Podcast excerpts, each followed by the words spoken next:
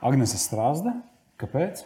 Uh, Agnēs Strasda ir ilgadēja SEB bankas komunikācijas vadītāja. Jā. Un, uh, nu, man liekas, viņa, viņa ir visu kaut ko redzējusi. Viņa ir visu kaut ko redzējusi, kad ja mēs runājam par komunikāciju, par, par uh, nu, komunikāciju augstos līmeņos. Jā, un arī runāsim par pārmaiņu vadību kā tādu, kā komunicēt pārmaiņas uzņēmuma iekšienē. Skatāmies epizodi.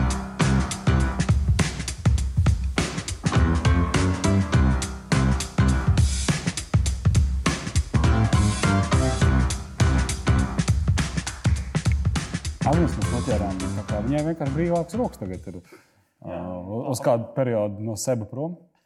Tad vajag uh, izmantot iespēju. Taču priecājies nonākt šeit, šajā krēslā. Šajā? Jā. Ļoti. Šis bija sarunātais jautājums. Jā, es, um, es atceros to reizi, kad mēs iepazināmies īstenībā. Tik spilgti. Tu, tu, tu zini, kur tas bija? Atceries? Uh, man šķiet, tas nebija gadījumā raidījums, viss notiek. Jā, Hans Mēdījā. Tu, tu atnāci, tu atnāci uz studiju, mēs, mēs iepazināmies toreiz. Es atceros, ka toreiz liekas, tas bija tāds laiks, kad tad jau vēl nerunāja par to, ka komunikācija sēž blakus lielajam galdam, menedžmentam blakus, vai tas bija toreiz jau tāds laiks. Jo man liekas, ka ar ko tu man asociējies, ar to, ka tu, tu reāli esi cīnījusi kā saka, ne tikai sev vietu pie tā lielā galda, bet arī pārējiem komunikācijas cilvēkiem. Nu, man ir jāatzīst, ka tā ir viena no disciplīnām komunikācijā, kas man pašai šķiet interesanta. Jo nu, savā ziņā tas mans ceļš ir parādījis, ka ar noteiktām kvalitātēm, noteiktu interesi, noteiktām darbībām mēs līdz tam vadības galdam tiekam. Ir ļoti daudz enerģijas nepieciešams, lai pie šī vadības galda noturētos. Ja? Bet tajā mirklī, tad, kad, es, tā, kad mēs tikāmies Hansa mēdīs laikā un raidījumā, viss notiek. Man šķiet, ka tas bija pats starts arī manai, manai esamībai bankā. Un, protams, ka mm, pavēršot atpakaļ to bildi, kāds 2006, 2007, 2008 gads, es noteikti biju vēl tajā etapā, kas bija ļoti svarīgs etaps, kad mm, tev ir uzdevums Tu dabūji to uzdevumu uz savu galda, tu viņu izdari. Un, uh, Tev ir nākošais uzdevums. Ja? Un pārsvarā kā komunikators tajā laikā, nu, es biju satura radītājs. Ja? Satura radītājs jau parādās pirmās brīvības pazīmes. Tu vari rīkoties ar saturu pēc uh, savas izpratnes. Eh, tu vari saturu apstrādāt. Es domāju, ka datu analīze man kā komunikatoram sen nav sveša, jo nu, visi 15 gadi, ko es esmu komunikācijas industrijā eh, pavadījusi, lielā mērā ir bijuši saistīti ar ļoti daudz un dažādu datu analīzi. Jo, kā mēs zinām, vēstījumi bieži vien ir apslēpti datos. Un jo vairāk tu gribēsi vēstījumus radīt, jo vairāk tev tie dati būs jāpēta. Jautājums, vai tev ir interese to darīt? Un, uh, reizēm es saviem kolēģiem esmu teikusi, ka mēs esam ne tikai komunikātori, bet patiesībā tik spēcīgi datu analītiķi, jo organizācijā, kurā tev dod iespēju darboties pašam, tev bieži vien nav tā, ka tev atnes uz paplātes, lūk, mums ir šāda veida informācija, ko mēs gribētu, lai tu tālāk nokomunicē. Protams, ka tas arī eksistē, bet lielā tiesā gadījumā sevišķi proaktīvā komunikācija rodas tev pētot datus. Reaktīvā komunikācija bieži vien rodas tajā mirklī, kad tev vienkārši ir jāatbild. Mm. Bet tur ir arī nu, nenoliks ļoti daudz Uh, vietas radošumam. Principā arī no tevis pieprasa arī radošumu. Kaut vai es atceros, mums bija tāds raidījums ģimenes banka. Tas bija toreiz tāds jauns, pilnīgi jauns, interesants koncepts, kur, kur mēs vienkārši iegājām ģimenē, fil filmējām un skatījāmies, kāda ir viņu paraduma, ko viņi dara. Tas bija īsts ģimenes, reāls ģimenes, kur viņi, kur viņi skaitīja. Televīzijas jauns formāts, pilnīgi kaut kas tāds, ko tā radošums ar tur ir. Mm. Es esmu izteikts radošuma fanāts. Man ļoti patīk radīt jaunas idejas, un kas man visvairāk patīk, ka man ir cilvēki, ar kuriem tās idejas kopā realizēt. Un tagad, varbūt esot arī ārpus bankas sienām, to aizvien vairāk novērtē arī to komandas garu. Jo tas, kas tagad notiek ar mani, jebkura ideja, kura man dzimst, Man nav tās komandas, kurai lūgt palīdzību, dažādas tās eh, detaļas realizēt. Tagad es esmu pats HR eh, vadītājs, IT vadītājs, dizainers, eh, grafikas domātājs. Nu, viss, un tu jūti, ka īstenībā tu vari izdarīt daudz, daudz mazāk nekā tu varēji komandā. Un atcaucoties uz otru mājas inovāciju, ko mēs arī ar tevi, tu, kaut kā mūsu tandēms ir bijis inovācijām bagāts. Ja tu atceries, tu biji pirmais, kas piedāvāja arī šīs digitālās un video preses relīzes un audio preses relīzes. Un tajā laikā es vēl kā šodien atceros, cik ļoti liela pretestība bija no mēdīju puses. Es neko nepārmetu nevienam no mēdījiem. Bet šodien mēs redzam, ka Covid laikā tas, ko mēs tad Tu man toreiz korģēji, es teicu, desmit gadus atpakaļ, tu man teici, jau 12 vai vairāk. Tas, ko mēs toreiz mēģinājām darīt, man tas likās tik ļoti atvieglo mēdīju darbu. Nav jābrauc filmēt, nav jābrauc radio ierakstīt, taisīt. Un es tiešām atceros arī tos manus draugus, žurnālistus un arī producentus, kuri Šķīvi skatījās. Kur tu tagad lien, kur tu tagad lien mūsu lauciņā?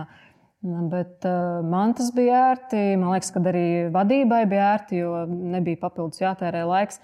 Tā kā komunikācija nāk ar uh, virkni inovācijām. Jā. Es dzirdēju, man patīk tas nodalījums reaktīva un proaktīva komunikācija un uh, atslēgvārdu radošums un uh, rakšanās datos. Mums ar Kristofru vadot nodarbības uh, saistībā ar komunikāciju, ar informācijas pasniegšanu, ar auditorijas uzmanības noturēšanu gal galā. Tas ir tas, par ko daudz cīnās. Mums šad un tad, es teiktu, diezgan bieži prasa, kā pasniegt sausus datus. Jā. Cilvēki a priori jau attiecas paši pret saviem datiem kā pret sausiem un garlaicīgiem, un tad prasa mums, kā tādiem cirkus klauniem, jau iemācīt man pasniegt šos sausos datus interesanti. Man, protams, ka mēs jau vedinām uz to, hei, nu, varbūt tie nav nemaz tik savs dati, atkarīgs kā tu interpretē, kā tu paskaties. Bet kā jūs bankā skatāties, jo reizēm nu, tiešām tu tā pirmajā tuvinājumā nu, tur nav nekāda baigā milzīgā intrigā tās statistikas, vai ko nu jūs gribat nokomunicēt? Ja drīkst, divās daļās sadalīšu to jautājumu. Viens ir tā datu analīze un interesantums vai neinteresantums tajā, un otrs par to pasniegšanu. Es vēl joprojām esmu pārliecināta, ka tas, ko banka ņemot vērā cilvēku ikdienas darbību ar naudu, tas, ko tu vari tur redzēt, sākot ar uzvedības laiku, kad pērk, eh, kurās mēneša dienās pērk, kad vairāk var vaļā uzkrājuma kontus, eh, kuros bankomātos kartes bloķējas visvairāk. Eh, es varētu turpināt saukt tās datu rindas virknēm. Mana misija vienmēr ir bijusi tāda, radīt komunikatoram interesi to prasīt, to meklēt.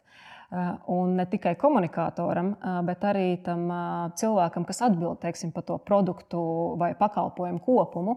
Jo bieži vien ir bijis tā, ka arī atbildīgie mani kolēģi par pakalpojumiem vai par kaut kādiem risinājumiem nu, saka, ko tu Agnēs īsti gribi? Un tad es domāju, ak, Dievs, ja man būtu kaut kripatiņa iespējas redzēt to, ko tu redzi ikdienā, es noteikti sen jau būtu izdomājis, kādā veidā tos datus parādīt. Tā kā mūsu visu uzvedība uh, ir, uh, kā teikt, caurstrāvojas tajā, kā mēs to savu naudu tērējam, kā mēs viņu liekam lietā. Ja? Vai nezinu, kurā mirklī mums sāk veidoties parāda saistības, kā mēs uzvedamies tad, kad mums ir parāda saistības. Ja? Finanšu sektors, protams, to visu redz. Atgriežoties pie tās otrās uh, tēmas, uh, es uh, esmu gan pozitīvā, gan negatīvā ziņā populāra ar to, ka man patīk tāpat kā Kristapam un visticamāk arī tev ļoti radoši, tīri, interesanti veidi, kā pasniegt informāciju. Un savā komunikātora karjerā es esmu mēģinājis arī strādāt ar vadības cilvēkiem, lai palīdzētu šādā veidā informāciju pasniegt. Mums ir gājis vieglāk, ir gājis grūtāk, jo vadītāji arī ir ļoti dažādi. Viens teiks, Agnēs, tev ir brīvas rokas palīdzēt man uzdizainēt stāstu, vizuālo. Es zinu, ka tu to uztaisīsi kvalitatīvi. Pirmkārt, tāpēc, ka es to cilvēku ļoti labi zinu, es viņu jūtu, es zinu viņa eh, stiprās, vājās puses. Un tad ir atkal uh, vadītāji, kuri ir ļoti pašpārliecināti, un viņš pats grib taisīt savu stāstu. Es parasti saku, ok, uh, nekādu problēmu. Nu, mēs, protams, zinām, ka bieži vien tas beidzās ar kaut kādu pēdējā mirkļa gatavošanās. Bet nevienmēr, ja? bet nu, ir tādi gadījumi. Un, uh, es pietiekoši ātri arī sapratu, ka es gribu strādāt uh, prezentāciju un stāsta gatavošanā ar uh, ļoti labiem uh, ekspertiem. Uh, nav noslēpums, ka es arī bez tā, ka man pat, pašai patīk arī stāstus radīt. Es neesmu varbūt tik spēcīga dizainā, bet es zinu cilvēku, kas man var palīdzēt to manu vēlmi. Es saku, es gribu bildi, kurā ir skaitlis trīs. Es viņu gribu tieši tādu uzzīmē, lūdzu, priekš manis. Ja? Un tie cilvēki vienmēr ir varējuši to izdarīt. Tā kā es esmu arī par to, ka prezentācijas ir tīras, viegli saprotamas. Un tas kaivs, ko es pēc tam redzu savos vadītājos, tad, kad viņi to vieglumu ir iznesuši caur tiem stāstiem, nu, tā ir lielākā dāvana, kas man kā komunikatoram var būt. Un es godīgi sakot, arī ļoti pārdzīvoju, ja kaut kādos mirkļos vadītājiem neizdodas to stāstu iznest. Bet, nu... Kas ir tas fundaments, kā tu, uz kā tu būvē stāstu? Vienkārši man saintriģē tas, ka, un, mēs arī, kad trenējam cilvēkus, mēs vienmēr runājam par stāstu ietekmi, cik ļoti stāsts aizrauja un cik ļoti tam ir viegli sekot līdzi. Attiecīgi, mēs varam tādā veidā labi ietekmēt savu auditoriju. Un tad cilvēks saka, nu jā, bet a, kā man uzbūvēt stāstu? Um, es ticu, ka jūs noteikti esat daudz vairāk uh, par mani pētījuši noteiktas konstrukcijas, kā tas notiek. Un uh, es reizēm sev arī uzdodu jautājumu, kā vēlams tu tiki līdz, šitai, līdz šitam gala rezultātam. Un bez tā, ka tas ir vēls vakars un citreiz varbūt glāze sarkanvīna, kas ir ļoti svarīga recepte priekš manis. Es bieži vien pieķeros kaut kādam tātad, vienam mm, elementam. Nu, pieņemsim, vakardien man bija iespēja nedaudz palīdzēt vienas konferences moderatoram sagatavot desmit minūšu ievadu stāstu. Un tā bija konference par digitālo piekļūstamību, tātad cilvēkiem ar invaliditāti. Eh, kādā veidā šo, šo profesionālo konferenci iesākt.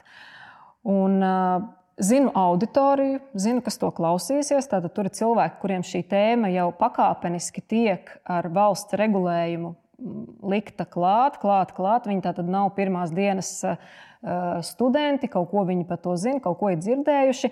Viņiem ir izveidojušies kaut kādi priekšstati, vai nu tur stereotipiski, vai ne tik stereotipiski. Un, domājot par to, es saprotu, ka nav jēga tur stāstīt par mājaslapu pieejamības vadlīnijām, kas, kuras viņi noteikti ir dzirdējuši. Es domāju, tad viņiem ir kaut kādi stereotipi. Kaut, kur, kaut kam viņi piekrīt, kaut kam viņi nepiekrīt. Viņi jau ir tajā etapā. Ja? Un es sēžu un domāju, ok, tad man būtu vērts pameklēt par kaut ko, kas ir saistīts ar mītiem, mīti un patiesības. Un es ar tajā jomā neesmu eksperts. Ja? Es, es ļoti daudz arī meklēju, ļoti daudz tajā mirklī, kad es gatavoju saturu, meklēju jaunas lietas. Un, tas ir viens, kas arī šobrīd nesot bankā ikdienas procesos klāt. Es secinu, ka jo vairāk jaunu lietu tu gribi iemācīties, vēlams, jo vairāk laika tev paiet. Un ar runu gatavošanu vai prezentācijām ir tieši tas pats. Ļoti daudz laika es pētu to tēmu. Atgriežoties pie tās konferences, tad mēs vienojāmies, ka, ka mīti, ja kaut kas tajos mītos slēpjas, es hops tajā tēmā sāku pētīt, kādi ir mīti par šo digitālo pieejamību. Un neapšaubām, es tos mītus atrodu. Pieci mīti par eh, mājaslapas eh, pieejamību. Ja?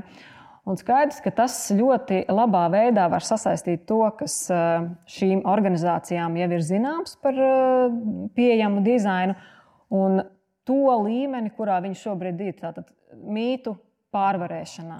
Nu, nu, man, man, teiksim, man, tas, man tā pieeja ļoti pašai simpatizē, un tad tu vienkārši tos mītus izstāsti. Iespējams, ka tu spēj atrast vēl interesantus datus, kas parāda, kāpēc tev par to tēmu tu nedrīkst apstāties tikai mītnes un patiesības līmenī, tev jāiet uz priekšu, atrod spēcīgus datus, kas pastiprina, ka ar šito viss nebeidzās. Ja? To pašu mājaslapu pieejamības kontekstā secinājums pasaulē ir tāds, ka 0,02% mājaslapas atbilst šīm vadlīnijām. Tad ļoti neliels apjoms ja? un ir kur augt. Nu, tā, man nav tādas super eh, tur, eh, inteliģentas uh, metodas, vairāk tu noķer to sasaistas mirkli un sasaistas tēmu, sāc viņu pētīt, saproti, kāds ir tas prezentētājs. Ja prezentētājam ir viegli tikt galā nu, ar tādu saturu, tu to liec iekšā. Ja tu zini, ka viņam tomēr vajag tur vairāk datus, nu, tas ir jāņem vērā, jo citādi viņš būs nekvalitatīvs tajā spējā to pasniegt. Jā. Ļoti labi, man liekas, tā kā pēc grāmatas. tā kā pēc grāmatas.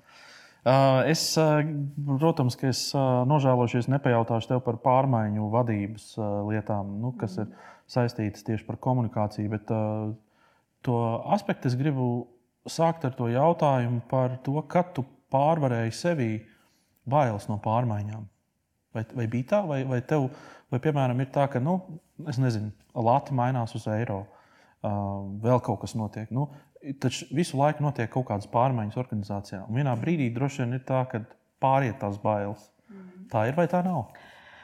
Uh, man šķiet, ka man ir jāatzīstās un jāatzīstās tajā, ka tajā savā karjerā, jeb darba dzīvē, sauksim to darba dzīvi, nevis par karjeru, uh, kā komunikators, komunikators bieži vien ir tas, kurš uh, pārmaiņās bieži vien vismazāk cieši. Un pārmaiņas, nu kā nu mums jau tās pārmaiņas nepatīk, ne, mums viņas patīk tik ilgi, kamēr mēs varam par viņām runāt, un mums viņas nepatīk tad, kad tās mūs ietekmē. Nu, tur bija tā karikatūra, kurš grib pārmaiņas, viss pacēla roku, kurš grib mainīties. Jā, jā nu precīzi. Negrib, jā. Un es tagad tiešām arī ļoti daudz par to domāju. Ja, es esmu bijusi ļoti daudz pārmaiņās. Tavs minētais eiro 2008. gada krīze, 2011. gads banku otra krīze. Eh, mēs paši esam mainījuši bankā IT sistēmas, kas ir lieli projekti mm, Baltijas līmenī. Un, ja es paskatos, kur es esmu bijusi tajos pārmaiņu projektos, nu es esmu bijusi tā, kur var radīt stāstus, radīt to uh, pamatojumu, radīt motivāciju, palīdzēt organizācijai mainīties, eh, palīdzēt iziet cauri tam pārmaiņu procesam. Bet mani tas, eh, nu, kā persona, ja, kā Agnēs, tas ir mainījis nu, ļoti, teiksim, ietekmējis ļoti minimāli. Man paliek darbs, es turpinu darīt, kļūstu gudrāka, viss tikai iet uz urā. Eh, Vislabākā mācība man bija tagad, septembrī, pārtraucot uz laiku darbošanos bankā, jo šī bija tāda pirmā situācija, kad to pārmaiņu stāstu man bija jārada, bet tas pārmaiņu stāsts ietekmē arī mani. Un tad tu daudz ko novērtē arī no tā satura radīšanas. Ja, jo kā, nu es vienmēr kā pārmaiņu komunikators radu vēstījumu, kāds, kuru tas ietekmē, viņš saka, ko tie komunikatori vispār tur raksta. Īstenībā jau tā nemaz nav. Tas nav tik vienkārši, ir, ir sāpīgi tur to pārdzīvot. Un tā. Un tad tu vienmēr tiem, tiem cilvēkiem saki, nu, bet, nu, tā ir. Ja? Tu, tu vadi to procesu, un tu nekad neesi aizskarts. Un tagad es pati sajūtu, ka mm, vispār baigi jocīgi bija lasīt to, ko tu tur. Kā tu šādu darbu darot, un pēc tam nu, minēji tās pārmaiņas, jau tev bijušas tajā darba dzīvē daudz. Uh, tu noteikti vari paredzēt iebildumus. Tu vari paredzēt uh, opozīcijas kaut kādu nu, opozicionāru reakciju, uzvedību. uzvedību un, uh, un tad, attiecīgi, tu vari tam jau sagatavoties. Jau iepriekš, a priori, jau zināt, kādi būs iebildumi, kādas būs reakcijas un kādi būs šie te, nu, pretī mestie tādi, nu jā, jūs jau tur tā varat, bet redz, mums sāp. Skaidrs, ka priekšrocība strādājot vienā organizācijā ilgāku laiku, tu ļoti labi to organizāciju zini. Tu zini cilvēkus, tu zini kultūru, tu zini, ko šie cilvēki ir piedzīvojuši iepriekš.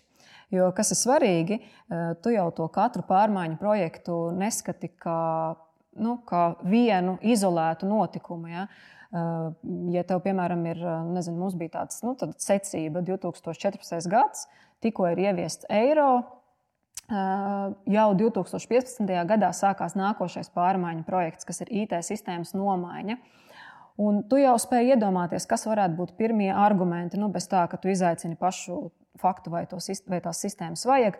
Nu, tur rēķinies, ka cilvēkiem tas jau ir otrais pārmaiņu projekts. Viņi jau ir saguruši no tām pārmaiņām. Tev jāmeklē jauni aspekti, kā tu cilvēkus motivē, kā tu iedod pamatojumu tām pārmaiņām, cik veiksmīgi ir vadības komanda, kura spēj atkārtot, atkārtot un atkārtot, cik paši viņi tic tai idejai pārmaiņai. Ja? Jo mēs jau ļoti labi zinām, ka tās pārmaiņas, eh, pārmaiņu process ir garš. Sākumā tev ir tas, tā, tā, tā vīzija, mērķis, tad tev ir jāpārliecina, eh, tad ir kritums, eh, tad ir jāatrod atkal jauna motivācija. Un mēs jau arī tieši tikko man bija iespēja, ņemot vērā, ka man tagad ir vairāk brīva laika sev, Es arī izmantoju iespēju mācīties, un um, SSR Rīgā mini-MBA kursā tieši kurs par, par līderību un pārmaiņu vadību. Un, ticiet man, mēs ļoti lielu daļu kursa pavadījām runājot par uh, komunikācijas lomu uh, pārmaiņu vadībā. Un, uh, mūsu pasniedzējs Pīters Zaševs ļoti veiksmīgi noraksturoja to situāciju, ka tajā mirklī, tad, kad tev ir tās, tā, kad tu noprezentē tās pārmaiņas, nu, tev ir 30% cilvēku, kas tā kā, jē, tur super, ejam uz priekšu, izdarām. Parasti tie ir tādi pace-seteri, ja, kuri vienkārši pēc definīcijas ir tādi, vai izdarām, mēs taču varam, mums, nekā, mums nekas nav pa grūti. Ja. Tad ir kaut kādi 30%, kas saka, čī, let me think, bet nu, tāds viņš iedod man laiku, bija šī sagramot.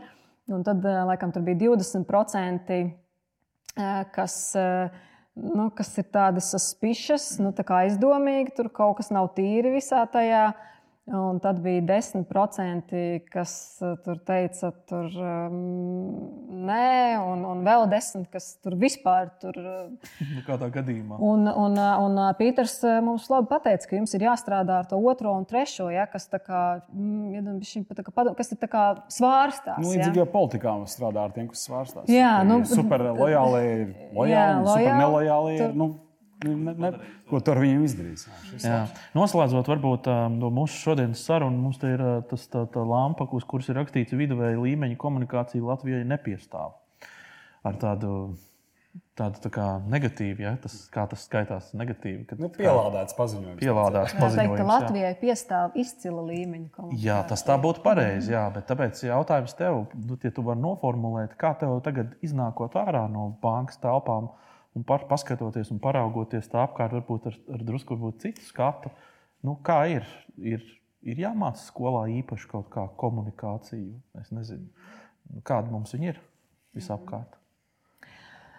Nu, es domāju, ka tas ir padomēs. Jā, jā es, es pavisam nesen esmu.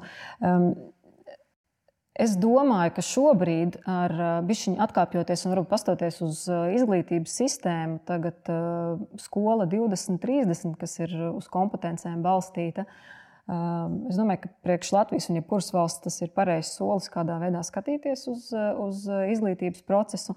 Man ir bijusi tā laime savu bērnu vest uz skolu, kurā tas jau ir 25 gadu pieredze, kur uzstāties auditorijas priekšā, eh, prezentēt savu portfolio, eh, gatavot prezentācijas un viņas eh, atrādīt, ir bijusi norma. Un, uh, es uzskatu, ka tas uh, manam dēlam ir palīdzējis nu, daudz brīvāk, uh, varbūt ne, ne, ne, ne tur izcili, bet daudz brīvāk arī censties runāt. Uh, Un, uh, viņš arī labprātāk teiksim, dzēju deklamē nu, tikai tāpēc, ka ir tas pieredums to darīt. Un es domāju, ka ar komunikāciju ir tā, ka tas ir milzīgs treniņš, viens, un otrs arī līderu, vadītāju vēlme uzlabot savas prasmes. Jo m, arī skatoties dažādu vadītāju spējas šo komunikācijas procesu organizēt, uh, Es domāju, ka tik ilgi, kamēr vadītāji uzskatīs sevi par ļoti labiem, pašpārliecinātiem komunikācijas jomā, tur tas progress būs ļoti um, neliels. Bet, ja mums būs tā, tā, tā apņēmība sevi pilnveidot, jo, jo es arī uzskatu, ka visi vadītāji, ar kuriem man ir bijusi iespēja strādāt, viņi ir bijuši ļoti, varbūt, uh, tādi koncentrēti, stīvāki sākumā, bet tas, ko es redzu, kāda viņi ir šobrīd, man ir vienkārši milzīgs gandarījums redzot, cik daudz viņi ir eh, ieguldījuši komunikācijas prasmju uzlabošanā. Mhm. Mīļš, paldies! Paldies! Tev. Mhm, Mīļš, paldies! paldies tev.